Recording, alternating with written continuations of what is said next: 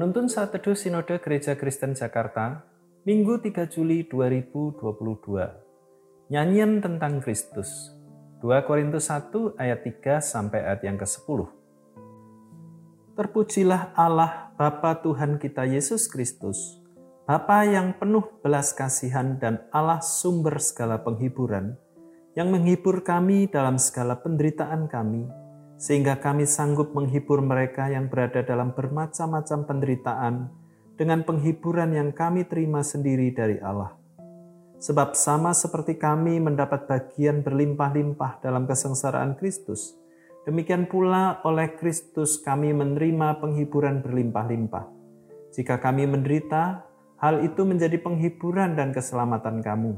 Jika kami dihibur, maka hal itu adalah untuk penghiburan kamu, sehingga kamu beroleh kekuatan untuk dengan sabar menderita kesengsaraan yang sama seperti yang kami derita juga.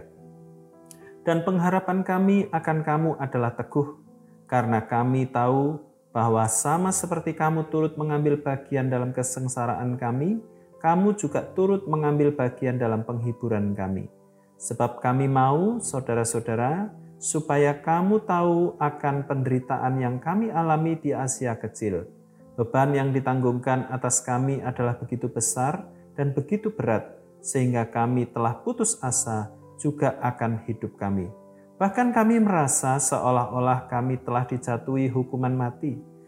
Tetapi hal itu terjadi supaya kami jangan menaruh kepercayaan pada diri kami sendiri, tetapi hanya kepada Allah yang membangkitkan orang-orang mati.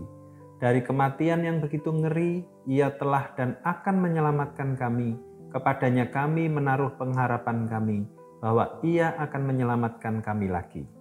Apakah Anda pernah mendengar nyanyian dengan syair yang aneh? Salah satu yang cukup fenomenal berjudul Kasih Sayang Kepada Orang Tua. Lagu itu dinyanyikan seorang bernama Mawang. Syair lagunya seperti ini. Nuhu nai, nuhu nahina hiya. Sair ini diulang terus sepanjang lagu. Pada bagian ref, Mawang berteriak, "Ah!" Menurut pengarangnya, lagu ini dibuat bertujuan untuk menunjukkan betapa sulitnya mengungkapkan rasa sayang kepada orang tua. Rasul Paulus mengajak kita menyanyi memuji Allah melalui teks bacaan kita hari ini. Syair lagunya jelas, pujian yang ditujukan kepada Allah Bapa, Tuhan kita Yesus Kristus.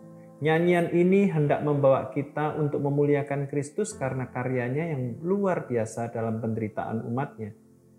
Nyanyian tentang Kristus ini memberikan kekuatan bagi mereka yang menderita. Mengapa? Pertama-tama karena Kristus adalah sumber penghiburan, ayat 1 sampai ayat yang ke-7. Jemaat mula-mula tidak sedikit yang hidup menderita, termasuk juga para pemberita Injil namun Allah sumber penghiburan itu telah menghiburkan Paulus dalam pelayanannya.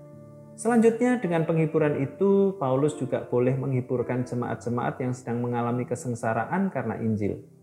Kedua, karena Kristus adalah sandaran hidup ayat 8 sampai ayat yang ke-10 pada waktu Paulus menghadapi kesukaran, ia tidak bersandar kepada kekuatan sendiri. Sebaliknya, Paulus menaruh sandarannya kepada Kristus, sebab di dalam dia masih ada harapan di tengah kesulitan yang sedang dihadapi.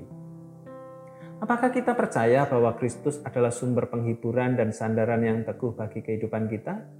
Apakah kita juga sudah mengalami hal itu di dalam kehidupan kita? Jika jawabannya adalah ya, maka sudah sewajarnya kita harus memuji dan memuliakan namanya. Mari menengok sejenak ke belakang hidup kita. Kristus telah banyak menolong dan menguatkan kita Bahkan karya terbesar dilakukan bagi kita saat ia mati disalibkan untuk menyelamatkan kita. Apakah karyanya dalam kesukaran kita adalah hal yang biasa-biasa saja atau kita kagum dan dengan hormat mengagungkan nama Kristus? Kristus adalah sumber penghiburan dan sandaran yang teguh. Selamat beraktivitas, Tuhan Yesus memberkati.